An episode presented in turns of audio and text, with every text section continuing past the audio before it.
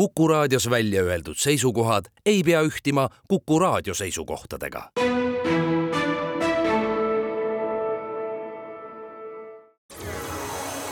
loodusajakiri,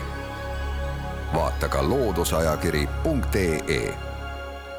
tere kõigile, ilusat reede õhtu jätku, Loodusajakiri alustab. täna on saates külas Jaanus Elts Eesti Ornitoloogia Ühingust, tere sulle! tere! mina olen saatejuht Tiia Rööp Eesti Ornitoloogiaühing valis käesoleva aasta aastalinnuks käo ja sina kirjutad koos Riho Marjaga ajakirja Eesti Loodus jaanuari-veebruari numbris ilusa loo sellest, mida me teame käost ja mida me käost päris täpselt veel ei tea. julgen väita, et kägu on üks väga tuntud lind, eelkõige oma laulu, siin peab vist täpsustama isaslinnu laulu järgi ja eks tema perekombed ole ka kõigile teada. Millest sõltub kui pikalt ta ühel kevadel suvehakul laulab ja millest sõltub see, mitu korda kägu kukub, see on see asi, mida me loeme jah,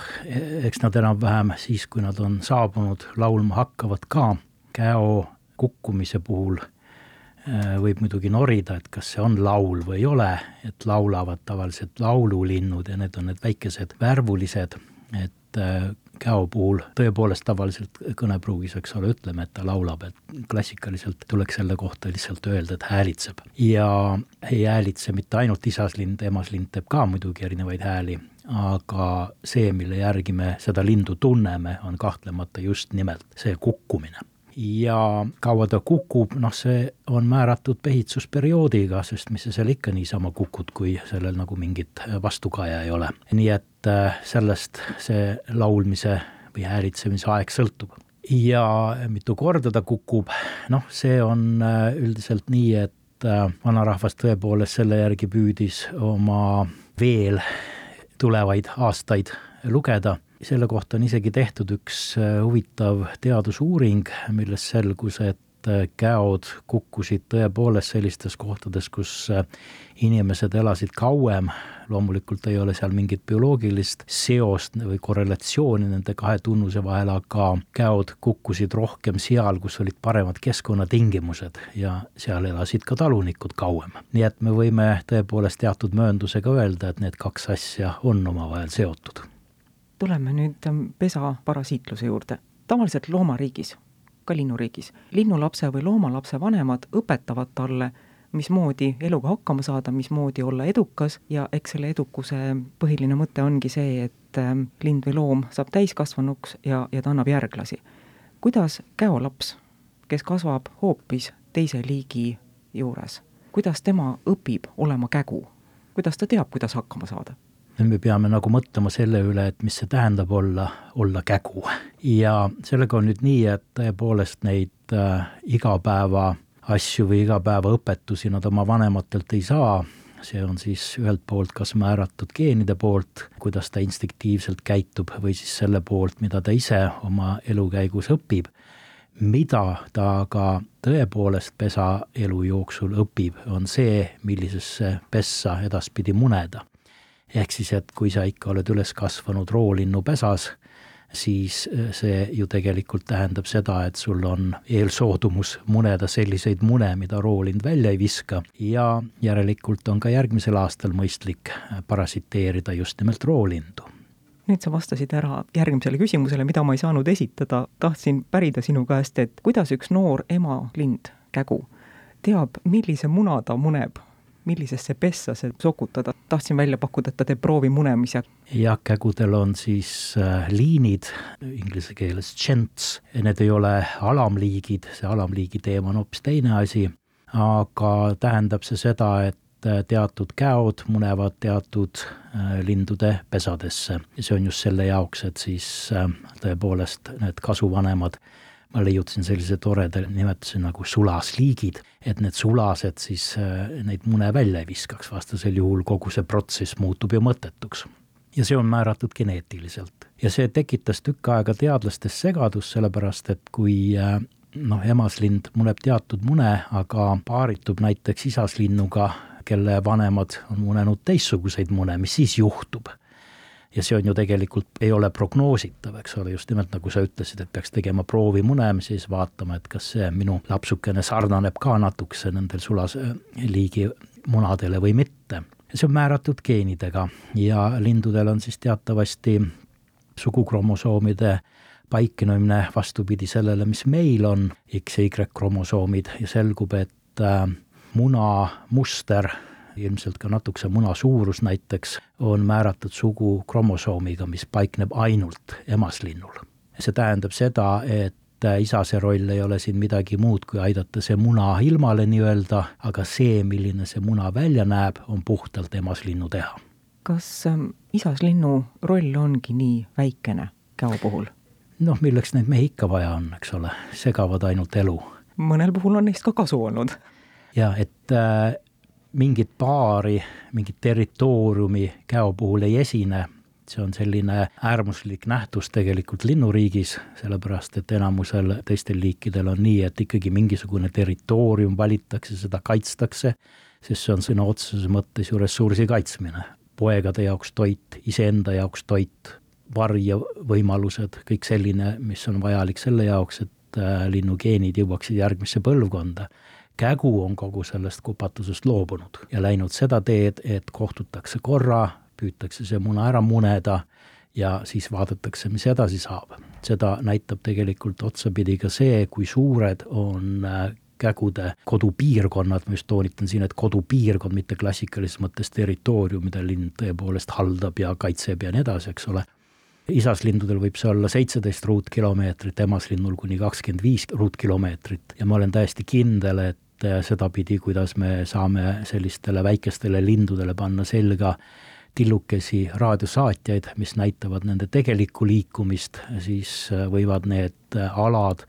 kus käod pehitsusperioodil ringi liikuvad, isegi veel suuremaks osutuda, vähemalt võime seda öelda oma kogemusest, et ükskõik millise liigiga ma olen tegelema hakanud, ja me oleme raadiosaatjaid hakanud kasutama, siis nende liikumist iseloomustavad numbrid on kordistunud, vahest isegi kümnekordistunud. kas ähm, Käo emaslind tunneb huvi ka, mis munast saab, kui ta kord juba on ära munetud või ta sokutab oma muna võõrasse pessa ja, ja läheb edasi järgmist pesa otsima? Milleks, milleks tunda selliste asjade vastu huvi, nagu ma ütlesin, eks ole, tegemist on äärmiselt äh,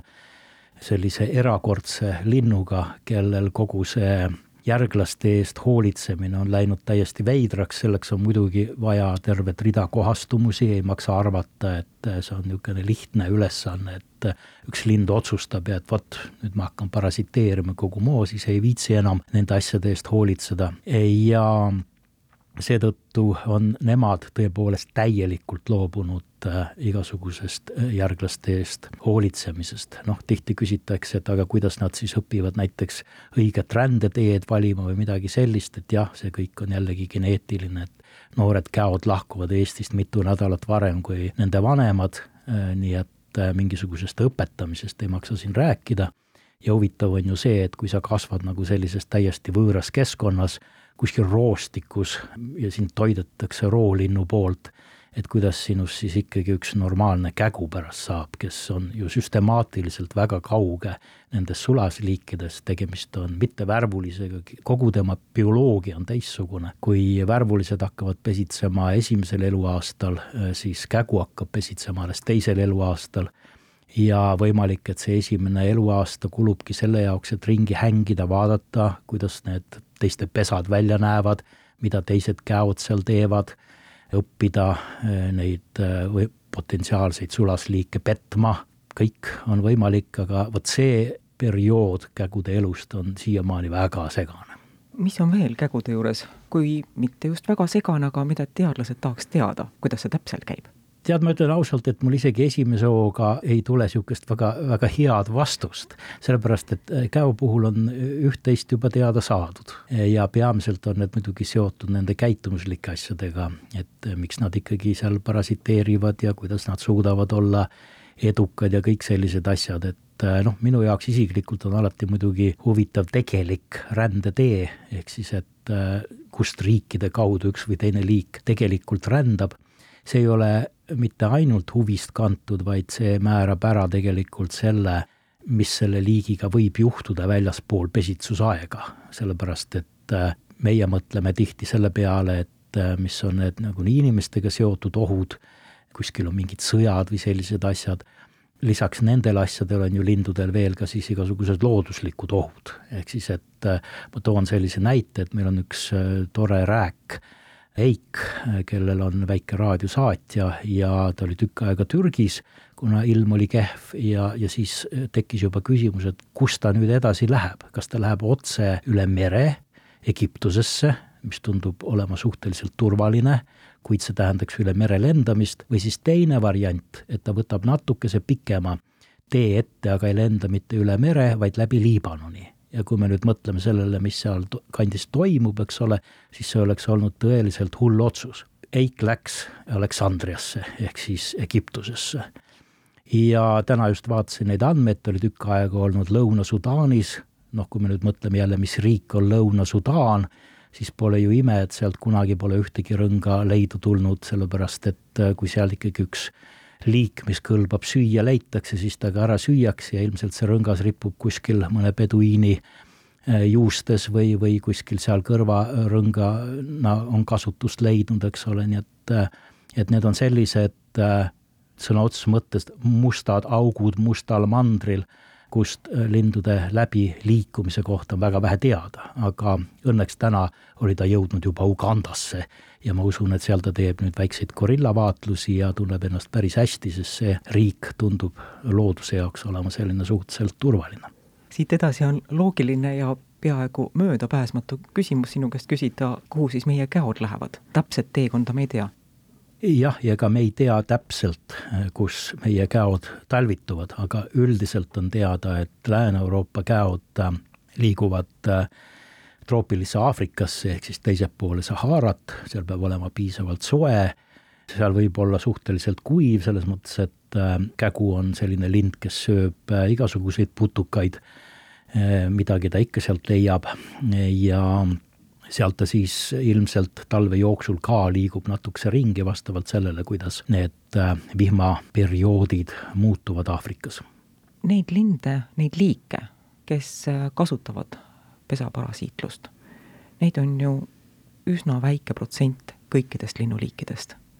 jah, äh, see protsent on suhteliselt väike, neid liike on üksjagu, neid leidub kõikjal, välja arvatud poolused igal pool on kuskil mingi oma liik, kes sellise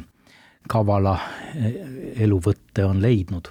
nüüd äh, siin jälle tasub äh, natukese eesti keele kallal nokkida, et inglastel on spetsiaalselt eraldi sõnad nest parasite ja brood parasite, ehk siis see nest parasite, need on need linnud, kes võtavad üle füüsiliselt teise pesa, ehk siis mingisuguse puuõõnsa või, või, või, või ehitatud pesa ja munevad sinna oma kurna sealt edasi on see parasiitlus arenenud nii, et hakati munema liigikaaslaste pesadesse, mis on suhteliselt turvaline tegevus selles mõttes, et äh, toit on sama, haudevältus on sama,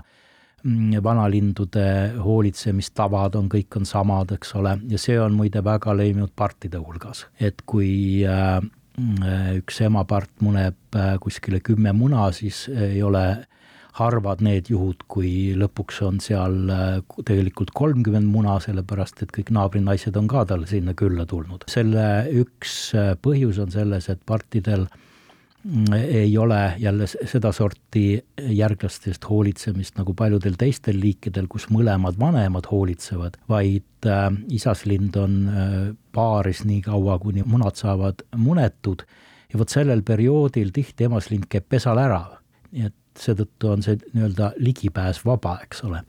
ja siis äh, lõplikult selline tõeline äärmus on siis just nimelt see käovariant, kus ise pesa üldse ei ehitata ja munetakse ainult teiste pesadesse, eelistatult siis üks muna, aga vahest juhtub seda, et isegi mõnes pesas on mitu käomuna